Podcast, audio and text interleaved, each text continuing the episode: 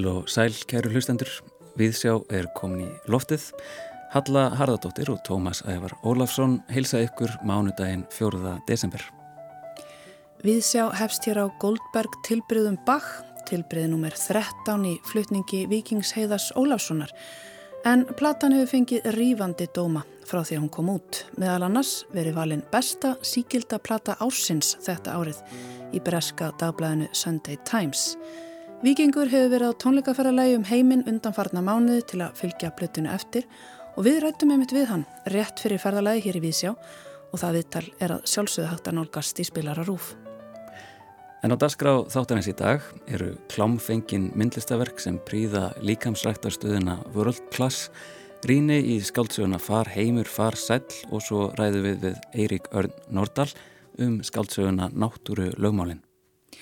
Í dag og morgun fáum við heyra í nýri rött hér í Vísjá sem mun velta fyrir sér myndlist í stærstu líkamsrættastöð landsins, World Class.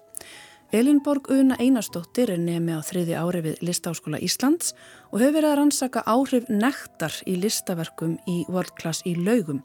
Meðal annars með því að bera verkin saman við freskur í bathúsum Pompeii til forna og út frá kenningum franska heimsbyggingsins Foucault. Við fáum einnig að heyra hvað Sofja Auður Byrkistóttir hefur að segja um skaldsöguna Far heimur, far sæl sem Ófegur Sigursson sendi frá sér fyrir skömmu, sögu sem hverfist um heið viðfræga kampsmál. Í síðustu viku hittum við rítöfundin Eirík Örd Nordal á Ísafyrði og rættum við hann um fyrirmyndafjörðin en í sömu heimsókn köfuðum við líka ofan í nýjáttkomna skaldsögu hans, Náttúru lögmálinn skáldsjóð sem var á dögunum tilnæmt til íslensku bókmæntavelunana. Við skjótumst aftur til Ísafjörðar í þætti dagsins og hittum Eirik Örn á skrifstofu hans við aðalstræti. En við byrjum í ræktinni. Elingborg Una Einarstóttir tekur nú við. Undir lok síðasta árs sannfærist ég um það að líkil minna hamingju var að ná að hlaupa 5 kílometra og í kjölfari keifti ég mér kort í völdklass. Byrjaði að mæta reglulega í flagskip líkamsrækta veldisins í laugum. Það reyndist þessulega rétt að reglulega hreyfing kresti mig við en samt fyltist ég gertan eitthvað skrítinni tilfinningu í heimsóknum mínum á stöðina. Það líkt og þar sem markvist skapað þrúandi andrumsloft, eins og þar sé vilji til að maður skammist sín. Það er gert með dimmum búningsklefum, nánast myrkviðum styrtum, reglulegum tilkynningum um að sundfött séu skilda í gufuböðum en í búningsklefanum og kannski helst með þeim fjölda listaverka sem hafa verið valin til að skreita stöðina. Það er augljóst að verkin hafa verið valin út frá mjög ákveðnu þema en öll eiga það sameilegt að annarkort sína nækta líkama eða íaðnægt og það í býstna kynferðislegu ljósi. Það sem kemur flestum sem þekkja til hugar þegar talar um listaverk í vörklast lögum er eflaust málverk Líðs Sigurssonar sem staðsettir á ábyrrandi stað fyrir ofan stiga á leið í búnisklefa stöðvarinnar. Veðmiðli nútíminn kallaði verkið á sínum tíma umtalaðasta málverk landsins. Hvort það sé rétt líkum millir hluta en umtalað er það vissulega. Einna helst fyrir klámfengi yfirbræð og úraldar byrtingamindir kynjana. Á málverkinu byrtast í forgrunni maður og kona sem svífa yfir skíjum á töfrateppi. Bæðirðu nakin en konun krýpur á meðan maðurinn trónir yfir henni í einhvers konar vakstaræktar stöllingu. Sikkur megin við teppið má sjá konu og karl í sundfötum en bæðir þau mjög vöðvastælt rétt eins og karlinn á teppinu. Í bakgrunni verksins má lók sjá tvær naktar konur umkryndar ævindirarlegum köstulum og þær verðast stinja en svo mynd skapar með áhórundunum skýrhugrenningatengsl við klám. Ólíkt öðrum karakterum á myndinni eru konuna tvær ekki málar í lit og því fallaðar inn í heiminn myndarinnar með þeim afleggingum að tilvist þeirra er lesin sem ekkvers konar draumur. Ef tilvill Karlsson sem trónir yfir konunni á töfratöppinu fyrir heitnarland hans. Í verkin eru konurnar, bæði svo sem krýpur á teppinu og þær sem svífa uppi í skíaborginni, augljóst kynferðislegt viðfang og eru aðeins til staðar til að uppfylla fantasíur Karlana. Á meðan þeir sjálfur standa sterkir og stoltir í líkamum sínum sem eru alls ekki hvaða líkamar sem er. Líkamannir sem þar byrtast eru nefnilega mjög sambærilegir líkamum sem byrtast í öðrum listaverkum stöðvarinnar. Til að mynda í tveimur brónstittum sem má finna við matsal hennar. Um er að ræða upphafna vöðvastælta nakta líkama sem sint myndi teljast raunhæft fyrir meðalmannisku að ná fram án öfgafullra yngripa, sama hversu mikil líkamsrækt er stunduð. Byrtingamindir slíkra líkama eiga rætu sínir að reykja til Gríklands hins forna þar sem stittur síndu gjarnan guði í líki vöðvastæltra manna en það var með tilkomu þessara högmynda sem hugmyndin um líkama sem hægt er að fullkomna fættist en svo hugmynd er enn við líði í nútíma vestrannu samfélagi sér í lagi í vakstarækta samfélagum. Öll listaverkin í vörklaslaugum vinna með hugmyndina um nekt á einn eða annan hátt. Jafnvel þó þau sína ekki öll hinn forgríska vakstarækta líkama á jafn skilmerkilegan hátt og málverk líði Sigurssonar og Brónstitturna tvær. Önnu verk líkamsræktarinnar í að frekar að þeim líkama. Eitt verk vinnur reyndar að mörgum begja síni nækta líkama um leið og í aðra hugmynd um slíkan. Um er að ræða um 5 metra háa stittu sem stendur beint fyrir utan ingangsstöðvarinnar og býður gæsti hennar velkomna. Stittan er mótuð úr tugum nakina líkama sem vefjast utanum hvorn annan og mynda í saminningu aflangan sívaling sem ónætalega minnir á tippi í reist. Í raunurum að ræða svo augljóst reðutákn að það er nánast óhugsandi að ásetningu listamannsins hafi ekki verið að skapa slíkt. Þann eru líkamannir sem stittan samanstendur af og eru lang flestir í hefbundum skilningi kvenkins notaði til að tákna stærri hugmynd sem í er sömuleiðis aðnægt og er mjög karlæg. Hugmyndin um hinn graða sterka karlmann sem rétt eins og stittan sjálf gnæfir yfir fólki. Í stuttumáli hugmyndin um nákvæmlega sama Karlmann og málverk Líðs Sigurssonar sínir. Fleiri verk stöðvarinnar í að sömu hugmynd á svipaðan hátt. Það er gegnum nótkun ægslunafæra. Ef vel er að gá má til að mynda finna litlar stittur af sæðisfrumum á vækjum stöðvarinnar og virðast allar stefna í átt að sömu laugungum sem máluð hafa verið á vegg undir sama stiga og málverkið málverk umtalaða hangir yfir. Þar byrtist enn og aftur hugmyndin um hérna undirgefni konu sem tilvera hverjar snýst í kringum það að fullnæja hinnum sterka karlmanni. Meðvitað val eiganda vörklas á klámfenginni list kann eflaust að koma mörgum spánst fyrir sjónir. Ef litið er til listasögunar má hins vegar finna mjög skýrar samsvaranir á listaverkavali í sambarlegum stopnunum fyrir alda. Skýrasta dæmið um slíka samsverun er eflaust svo nefnd suburban baðhús í Pompeii á Ítalíu. Þegar eldfjalli Vesúvíu skaus 79 eftir Krist grófust baðhúsin ásand allri Pompeiborg undir ösku sem varvetti húsin í nær fullkomnu ásíkomulagi í tæp 2000 ár. Eða þangu til þau voru fyrst grafin upp úr öskunni árið 1958. Þá kom í ljós á veggjum baðhúsin skreitingar sem minna um margt á listaverkin í vörklaslaugum, sem á vissan hátt er hægt að horfa á sem nútíma baðhús. Vegginni voru þaktir myndum af fólki í hinnum ýmsu kynferðislegu aðtöfnum. Þar máttu meðal annars finna myndir af treköndum, orgíum, manni að veita konum, munmög og konum haldandi á einhvers konar kynlífstæki í líki teipis. Þó svo að það sé ekki til margar heimildur um jafn skýrar og beinskettar byrtingamindir kynferðislegar hegðunar í Rómaveldi er greinilegt að kynferði og kynlíf var samþýttur og eðlilegur hluti af samfélagi þess tíma. Til að mynda er vitað að romverjar til forna nótu yðurlega reðurták til að stuðla frjósemi, stiltu til dæmi stittum af reistum tippum upp í görðum til þess að stuðla að góðum vexti plantna. Út frá þessari vittneskju er talið að kynferðislegar myndskreitingar í baðhúsunum hafi einfallega verið gerðar með þeim tilgangi að glöðja gæsti, jáft karla sem konur sem komin voru að baða sig að þau hafa ekki móðgast vegna myndana heldur einfallega hort á þær sem ánægulegar jafnvel fyndnar. Í ljósið þessa listasögulega samhengi skætu ekkur í velt fyrir sér hvort að listaverkin í vörklaslaugum þjóna eftir vilt sama hlutverki og vexskreitingar suburbanbaðhúsana. Veiti gestum stöðvarinnar ánægi og gleði og séu til vilt frelsandi í kynferðislegum skilningi. Mögulega kann það hafa verið upphaflegur ásetningur þeirra sem völdu verkinin í stöðuna en ef það hefur verið ætlunaverkið hefur það mistekist.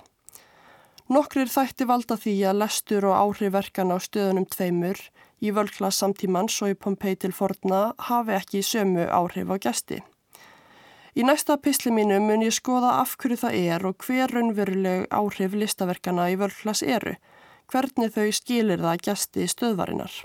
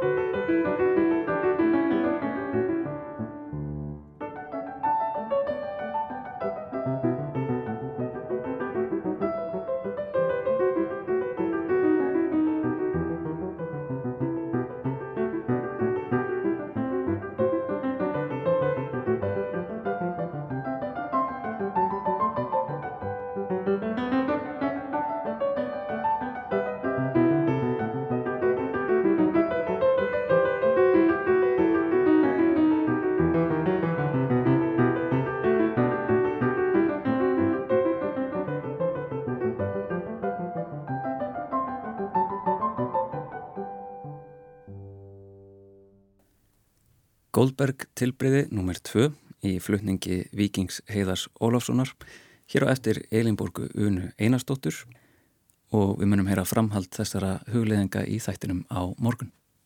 En þá höldum við í Flóan, Sofja Auður Byrkistóttir, bókmyndarínir þáttar farorðið. Hér eru engir jöklar og engin fjöll. Hér eru engir dalir og korki holdni hæðir. Hér eru engin skóur. Höfðar eru hér hvergi eða múlar. Korki finnast hér eigjar eða eldtraun. Ekkert grjót er hér eða merkilegi steinar. Hér eru engin kennileiti. Landið er vaksið stör og alls konar stráum, nálum og eldingum og standa þúur þjætt saman, vítt og breytt, svo langt sem augað eigir. Hér er mýri og hér eru flæður, foröð og dý. Fátt þornar hér um slóðir og vatnið er í mist fullt, salt, súrt eða mengað rauða. Frammi við sjóin gerir útfyrir með álum og lónum, sundum og flúðum en sker og klappir klæðast þangi og sölvum. Utan við liku brimgarður hvar aldan brotnar með dýn. Á landi ofan við sjáarkampin eru hins vega svæður, flóð og dælar. Keldur finnast víða hvar börn grandast tíðum sem og í opnum mógröfum þá ís brestur af vorum. Þannig hljóðar upphafið að nýju skaldsugu Ófeik Sigurssonar Far heimur, far sæl og gefur tekstin góða mynd af stíl og frásagnatækni höfundar.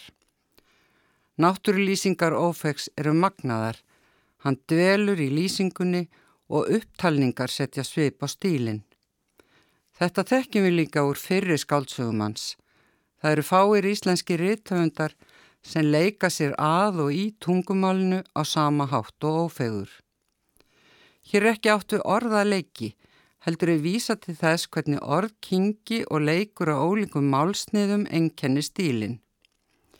Í nýju skáldsögunni líkt og í öræfum og heklugjá nýtur stílfimi höfundar sín mjög vel. Ófegur blandar saman tungumáli margra alda og útkoman er kostulega á köplum, algjört sælgæti fyrir þá sem njóta þess að dvelja í tungumálinu og einstaka orðum þess. Orðagnóttin kemur víða fyrir og má til dæmis taka dæma því þegar einn sögupersonan er í yfirheysli á síslumanni og segir mann sinn vera blöytgeðja. Tilvittnun. Ert að meina lingeðja? Já, það þarf ekki að vera slæmt. Menn verða svona hér í mýrinni. Mýrgeðja, dígeðja, grautgeðja, sósgeðja, drullgeðja, djellgeðja, gelantíngeðja. Menn sem búa á hardri jörð eiga það til að vera hardgeðja, grótgeðja og svo frammiðis. Á öðrum stað er málimanna líst með orðunum kokmæltur, nefmæltur, gormæltur, slefmæltur, tannmæltur, kvæsmæltur, loðmæltur, snoðmæltur, fleðumæltur, harðmæltur, gómmæltur, dragmæltur, úmæltur, böglumæltur, kvellmæltur, hraðmæltur, völumæltur, kjökurmæltur, þvoglumæltur, sogmæltur og hróðmæltur. Möguleikar tungumálsins virðast óþrjótandi. Far heimur, far sæll er margslungin bók. Þótt kampsránið svo kallaða sé í miðjusögunar fer ófegur um víðan völl í frásögninni og útúrdúrar eru margir og skemmtilegir. Eftir upphafskablan þar sem sögusvíðinu er líst, náttúrinni og tíðarandanum, fátæktinu og hardræðinu, kemur kabli sem hefur yfirskriftina síðasta fornaldarhetja Norðurlanda. Það er líst meðferð á sakamanni sem hefur verið brennimertur á enni, húðstryktur og dæmdur til vistar á rasphúsinu í Schopenhán eins og sumi segja, þar sem hann á að raspa rauða við fram í rauðan dauðan. Í næsta kabla er húðstrykingu hans líst og þar leikur ófögur sér vafalust að því að vísa óbeint til Jóns Segvissonar í Íslandsklukku Hald og Slagsnes Ímislegt í karakter þessarar síðustu fornaldarhetju Norðurlanda minnir á fyrirnemdan Rekviðsson. Líkt og Lagsnes lýsir hýðingu Jón Sækvissonar, lýsir ófegur því þegar söguhetja hans er stríkt upp við staur og húð hans hleypur í strimla undan svipu böðulsins og flugu flyksutnar um loftin blá eins og leðublökur í tungsljósi, segir þar. Margir eru viðstattir húðstrykinguna og hér kemur tilvetnun, fólkið ljómaði af hrypningu léttuðugar drósir fórnuðu höndum og skríktu þegar það reyndu að grípa með sér strímil sem þeir gætu síðan nelt á veggþilið ofan með rúmi hjá sér og fundi stafa frá lufsunni, hlýjum ástarbríma og öryggi á viðkvæmri gælgjunni. Hrottin var sjarmur.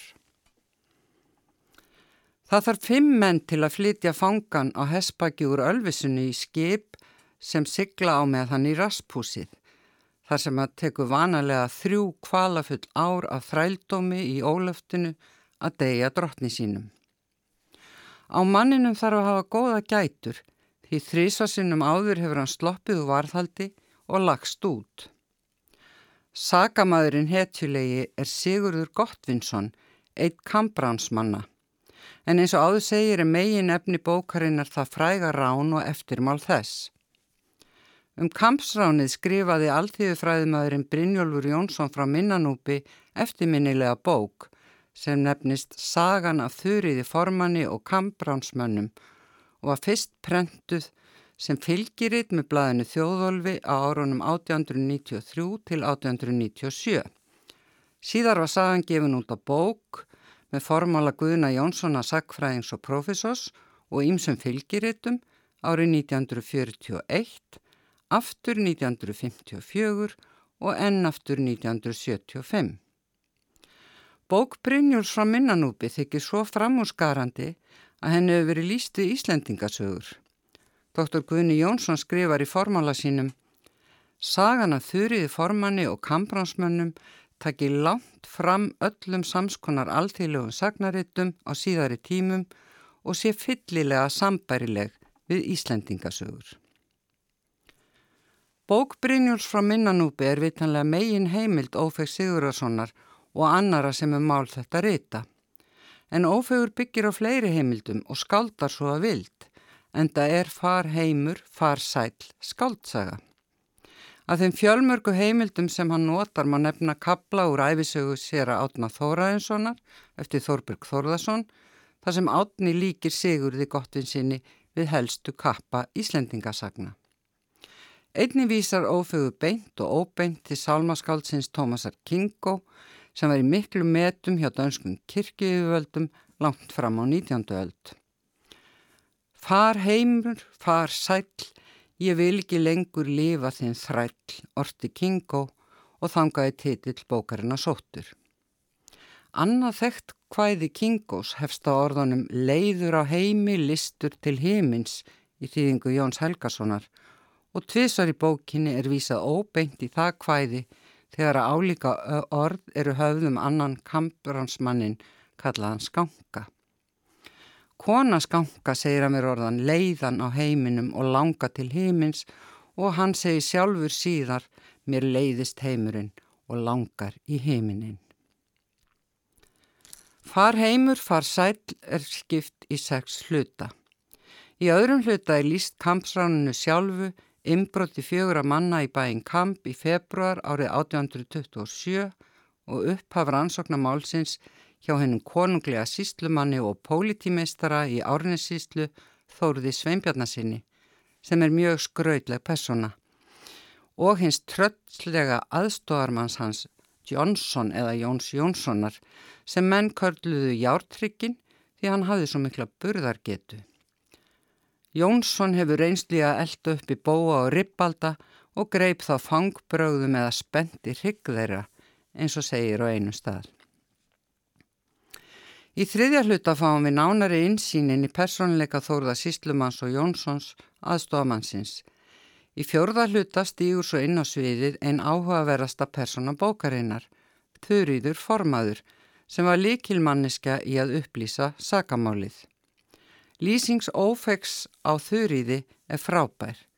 Við hittum hana fyrst fyrir þegar hún er að fara á fætur með látum eftir mikla draumfarir og fylgjumst með henni klæðast, lífgafi eldin og hýta sér kaffi. Og það er ekkert slór kaffi sem þurriður eldar, hún ristar sjálf bönirnar og malar en það vil hún kaffi sitt heitt, fljótt, lítið, stert.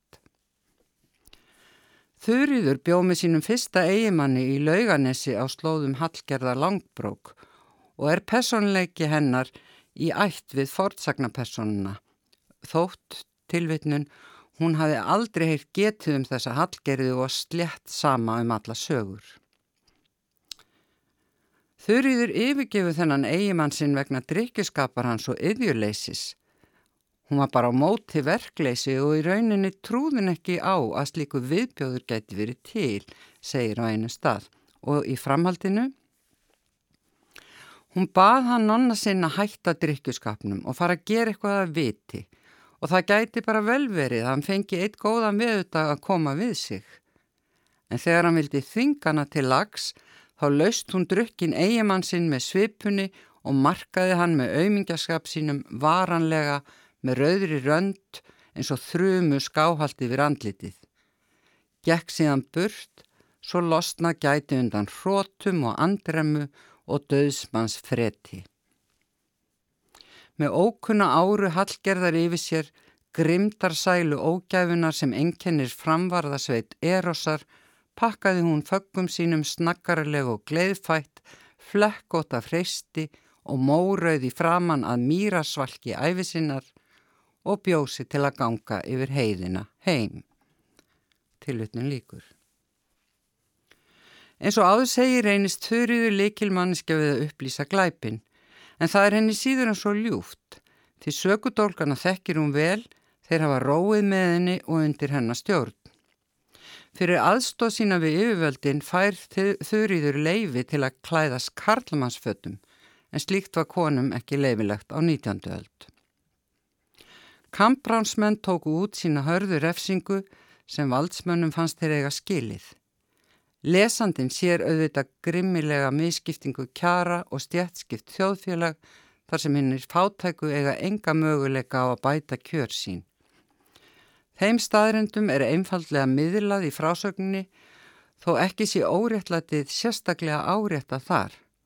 Það kann að skýrast að því að í hlutverki sögumanns er framliðin hundur sem helst vil vera í félagskap þurriðar er sæl ef hann hefur hlýtt flet að liggja í og beina að naga og er ekki að velta fyrir sér þjóðfélagslegu óréttlæti. Sofía Auður Birgistóttir saði hér frá skáldsögu Ófegs Sigurssonar Far heimur, far sæl.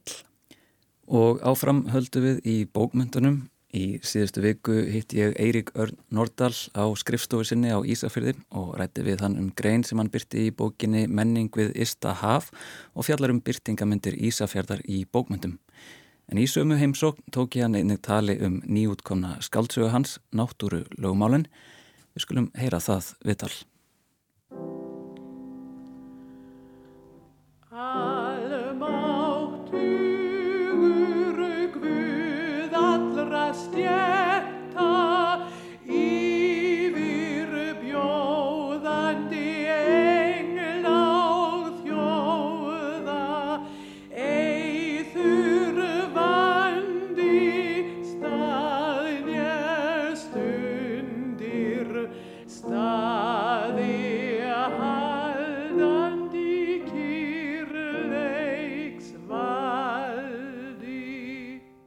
Eiríkur Örn Nordal, takk fyrir að taka á mótið mér hér í, á vinnustofunni þinni.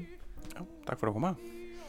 Og þú varst að senda frá þér uh, stóra bók uh, sem nefnist Náttúru lögmálinn og það er kannski erfitt að fanga í orð en hún gerist á Ísafyrði 1925 hverfist um prestastefnu sem á að halda í bænum biskup Ísland sem mættur í bæin á samt um, 100 prestum og heikst ráðast gegn einhvers konar hjátrú eða hindurvittnum á meðan stefnunni stendur. Og þá sérstaklega ákveðinni hjátrú sem tengist fjallinu hérna gleiðarhjalla. Erstu til að segja mér aðeins frá þessari tilteknu hjátrú til að byrja með? Sko hún er, þetta er gömul þjóðsaga sem er hérna, ég fann ekki upp á en hún er sannlega þekktust í þeirri mynd að hérna það komi einhver tíman nýju prestar fyrir alltari hérna, það er stundum talað um, um fyrir dyr, dyr eða jafnvel bara við rætu fjálsins og stundum og einu tilfelli þá er talað um sjö prest á einn einæðan og mér er þetta náttúrulega skemmtilegast. Uh, en það sem, sem segir ef þetta gerist að þá munir uh, hjallin losna af fjallinu og hrinja yfir bæin og, hérna, og eigða, eigða þar allir byggð. Hvaðan heldur þetta eina auga komi?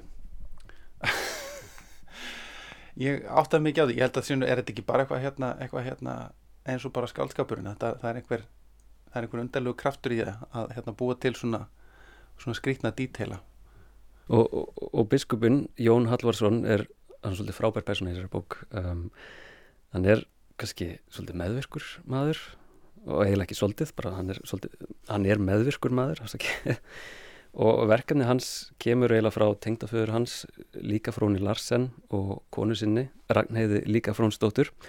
Og það er að stilla þessum prestum upp við dýr kirkjunar og uh, taka af þeim ljósmynd til að sanna að þetta hafi gerst en að, en að hjallin hafi ekki uh, hrunið yfir bæin. Verður til að segja mér kannski aðeins frá þessari personu uh, biskups og kannski þessum þrýhyrningi sem hann er í þannig í fjölskyttu sinni? Sko hann er sem sagt hérna, hann ætlaði, ætlaði sér aldrei að verða biskup, hann er bara svona aldrei drengur frá stikisólmi og hann dreymdi alltaf um að verða vaktari sem er svona, svona næturvörður í bænum sem að gengur um og passa það kvikning í húsunum og, og eitthvað þannig að þannig finnst svo hún finnst svo notalegt að vera einn. En svo sagt kynnist hann þessari konu Ragnhiði líka frá stóttur þau verða voða ástfangin. Og Ragnhiður er mjög hún er komin að mjög fínu fólki og hún er mjög metnaði gjörð sjálf. En vegna þess að hún er kona og þá getur hún alltaf ekki orðið biskup eða er raun og verið neitt svona stórgóðslegt þannig að tengda fjölskylda hans, sérst, hún og fæðirinn fyrst og fremst, þau íta sérst, Jóni áfram sem eru nú verið fulltrúa hennar í veröldinni.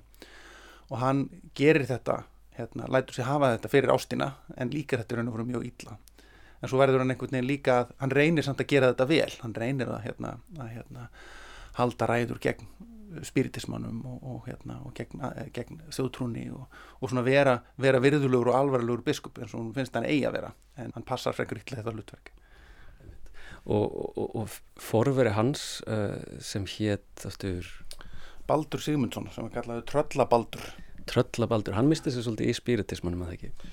Jú, hann sem sagt hérna uh, varð fyrir því að, að hérna uh, missa marga í kringum sig og sjá síðan sko fara að sjá þau sem, sem drauga og eftir þessi, hérna, eftir hann missir sagt, konu sína, verðan fyrir miklu áfæll og hann svona hverfur inn í sig, hættir að sinna sínum embættir skildum og þegar hann uh, svo byrjar því aftur, kemur smám saman í ljós, hann er í raun og fyrir að halda hérna, meðilsfundi bak við luktardir og, og hérna er orðin mjög mikill spiritisti líka. Og það var í sjálf og sér sko, kannski finnst einhvern það skrítið í dag en það var ekki nærðu því að skrítið þarna fyrir hundra árum vegna þess að þá, þá var mikið af fólkinni í spiritistar heimingunni var bara mjög kristið og leitsjóðurinn var á að það væri að sanna kristindómin og sanna tilvist eftirlífsins og himnaríkis og, og þess alls saman. Þannig að hérna, en í sjálfu sér er það svona það farið að, það farið að svona hallundar fæti í, í, í því innan kirkunar og, og, og mennur svona farinir að,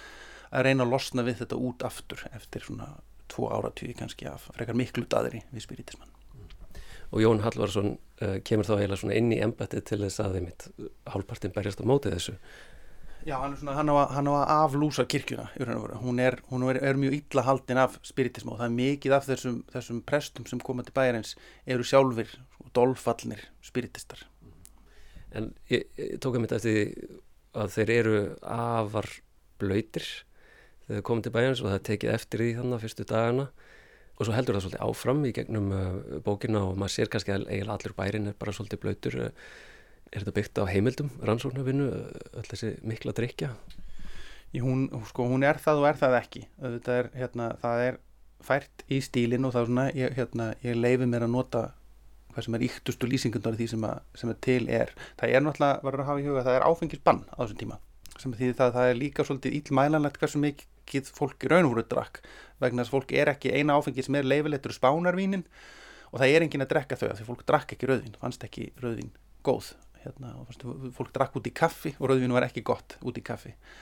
Þannig að það er að drekka alls konar eitur glisserinn spýra og hárvötn og ylvötn og allan fjáran en hérna í bænum þá er mikið tekist á um, um áfengismálin í skull og í Vesturlandi og þú lefst Vesturland sem er sagt, íhaldi og þeir sem vildu leifa áfengið að þá eru allir hóldrykkjumenn og, hérna, og þetta er ekkit vandamál en ef þú lefst skutul að þá eru allir bara blind fullir alla dag og þetta er alveg hræðilegt og voru aldrei verið verra heldur en núna sko.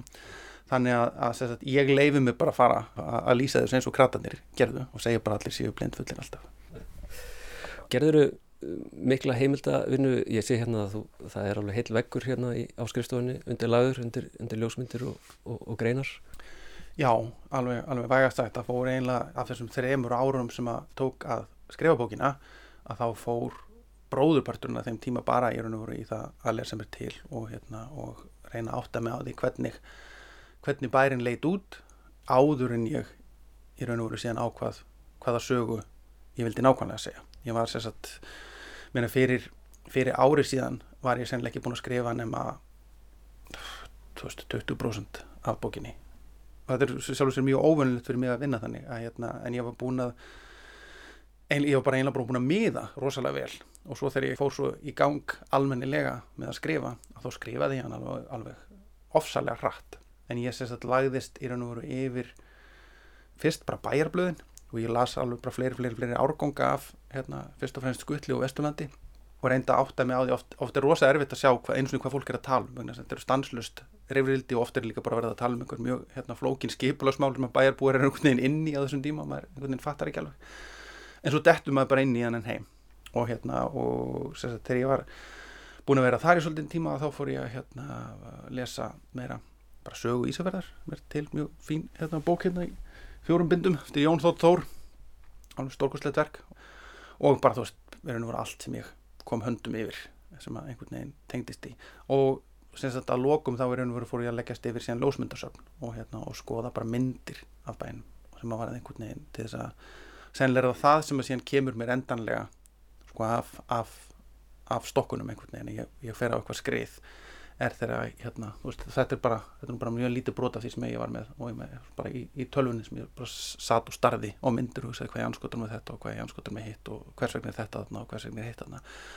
Og það kveikir svo mikið af sem sagt bara dítelum sem eru svo, sem eru svo hérna, hérna sem aftur kveikir svo mikið skáldskap einhvern veginn, það bara tendra í manni.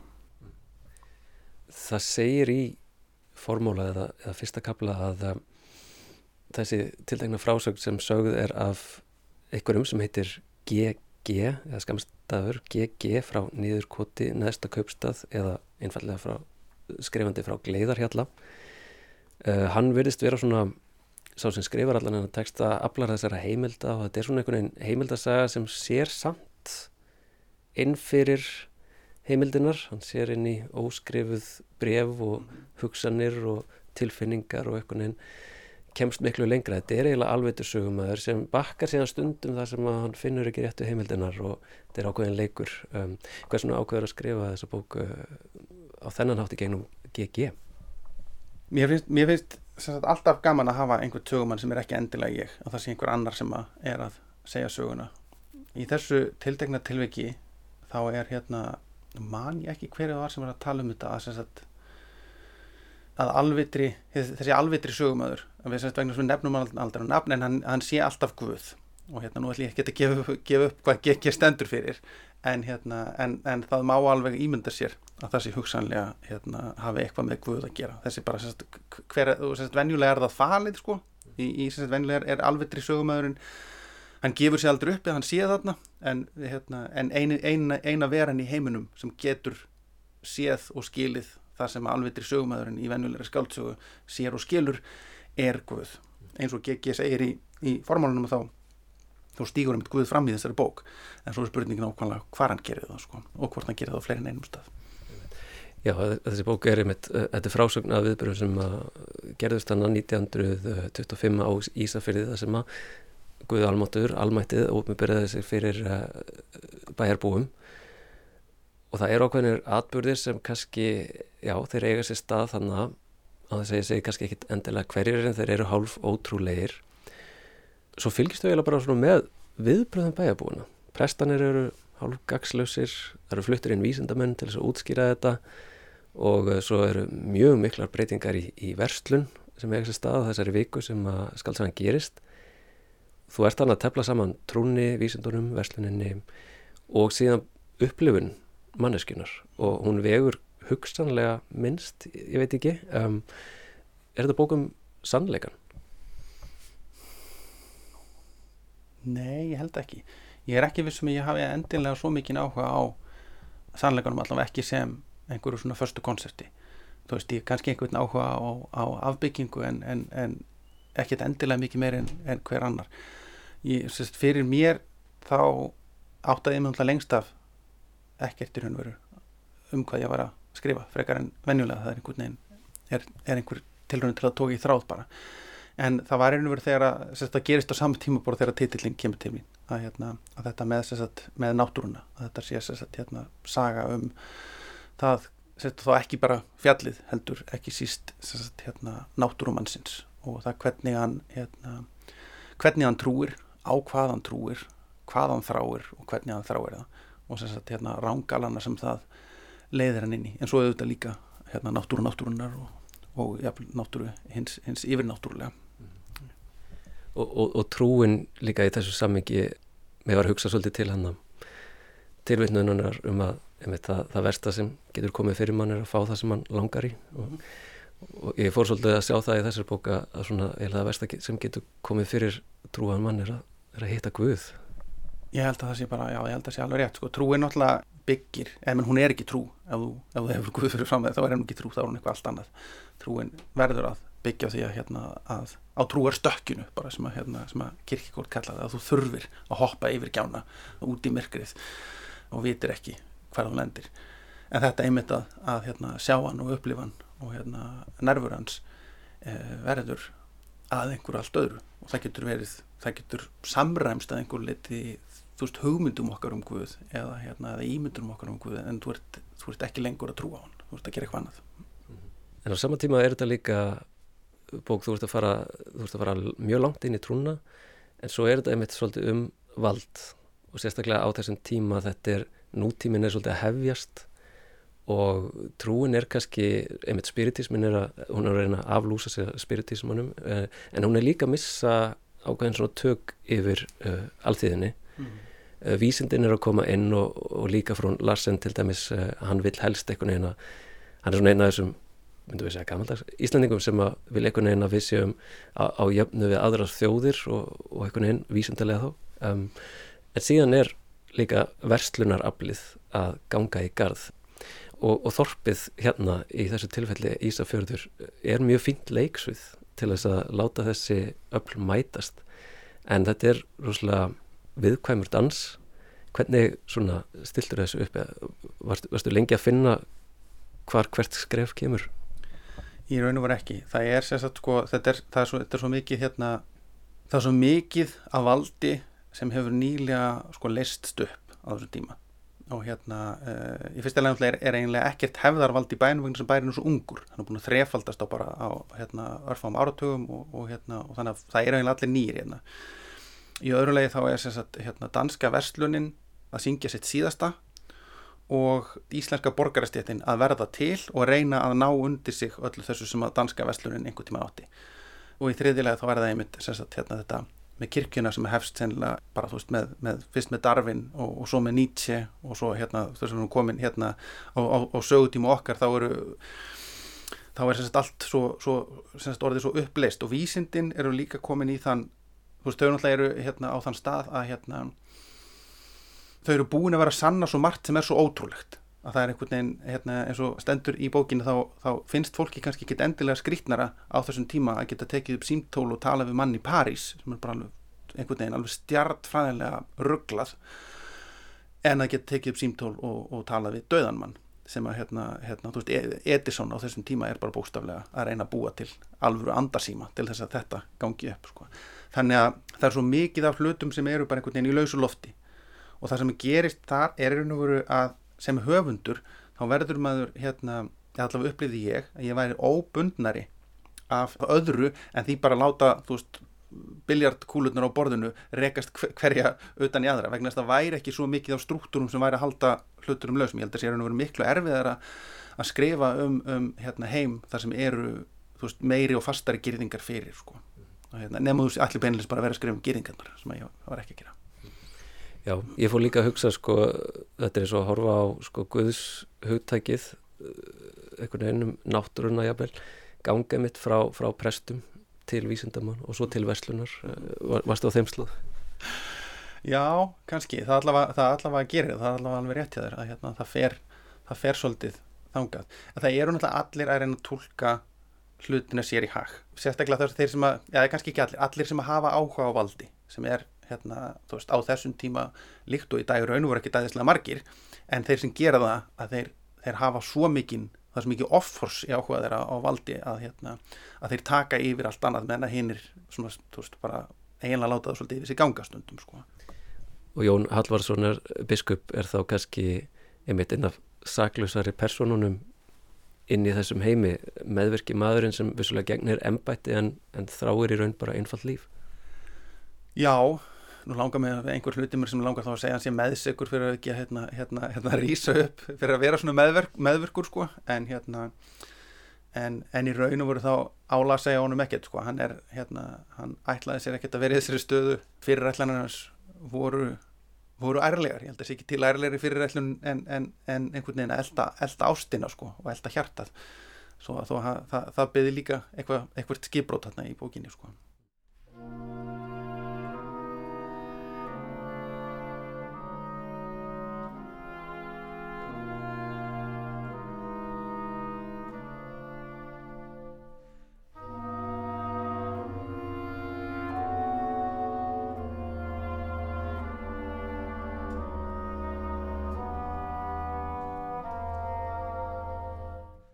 Nútíminn er aldrei nýr af nálinni.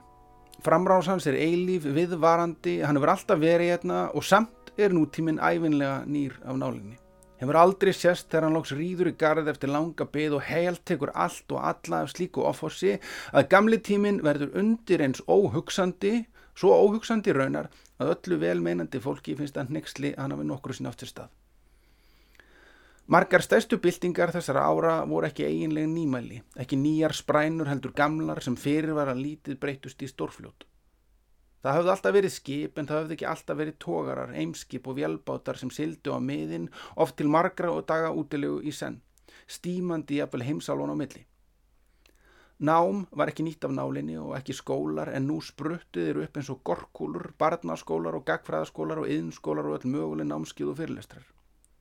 Það hafði alltaf verið hús en þau voru bara ekki svona reysuleg. Það hafði alltaf verið tónlist en hún hafði bara ekki verið svona falleg. Það hafði alltaf verið bókmyndir en það hafði ekki alltaf verið bókasöfn og bókaverslænir og starfandi höfundar í nánast hverju byggðarlægi sem heldur ræður á hátíðstögum og tíunduðu örlöksins fólks í kvæðum. Prentsmiður voru ekki nýjar af nálinni en aldrei áður hafði staðið úr þeim annar en ströymur dagblada, vikublada, tímaritta og sérprentaðra bæklinga um allra handa gagn og nöðsynir. Sá maður sem ekki hafði skrifað í bladið þótt að væri ekki hann ábending til samborgara sinna eða lítil ferskeitla var vandfundin. Það fyrirtæki sem hafði ekki auglýst þjónustu sína var að löngu kuna löst og sá stjórnmálamadur sem hafði ekki látið andstæðinga sína finna til tevatsins síðasta tídagrið gæti ekki reikna með því að halda umbúði sínu út mánuðin. Það hafði líka alltaf verið verslun, en ekki svona. Á Ísafriði einum var á sjötta tög búða með vörur af öllu mögulegu tægi. Allt sem nokkur gæti látið sér detta í hug að gyrnast mátti fá í þessum búðum hefði maður ráð á að kaupa og í hverri viku byrtust vörur sem engan hefði geta órað fyrir að væru til í þessari veröld. Hvað þá að maður gæti ekki lifað án þeirra. Meðal þessara verslana mátti finna eina sem var öðrum meiri, stærri, glæsilegri, sem bar í sér meiri framtíð með stærra effi. Volduga munaðalvöru verslunað erlendri fyrirmynd, tvílift steinhús með háur risi og stórum síningar gluggum sem náðu frá götu upp á þakskekki, indvesku kvolfþæki með flagstöng fyrir miðri framhlið sem sjálft skagaði eins og kvistur út úr háu og strítulega valmaþæki. Magasínið, eins og það var kallað, var í eigu hennar saminuðu íslensku verslana sem voru reyndar aðalega íslenskra því eigundur fyrirtæki sinns voru danskir og þar mátti kaupa allt sem hugurinn girtist og fremi sem hugurinn gætt hugsa sér að vera svo litið vandlátur og slá helst ekkert af kröfunum. Því þetta var ekki búið fyrir afmæld viskustykki, innmat, glugga, járn eða signa ísu. Heldur var ein hæðin undir lögð af dýrindis matvælum, hnaustikkum steikum, frönskum kæfum og belgjum, þurkuðum pilsum, sultum úr berjum sem enginn hafði hirt minnst á, dönsku límonaði og öðru álika góðgeti, en á hinni hæðinu voru tískuförur, síð kjólar eftir nýjustu sniðmótum, hattar með fjöðrum úr fugglum sem enginn kunni að nefna, þískir gönguskór, blúsur og svo léttir silkisokkar að þeir svif upp til himins ef þeim var ekki haldið niðri.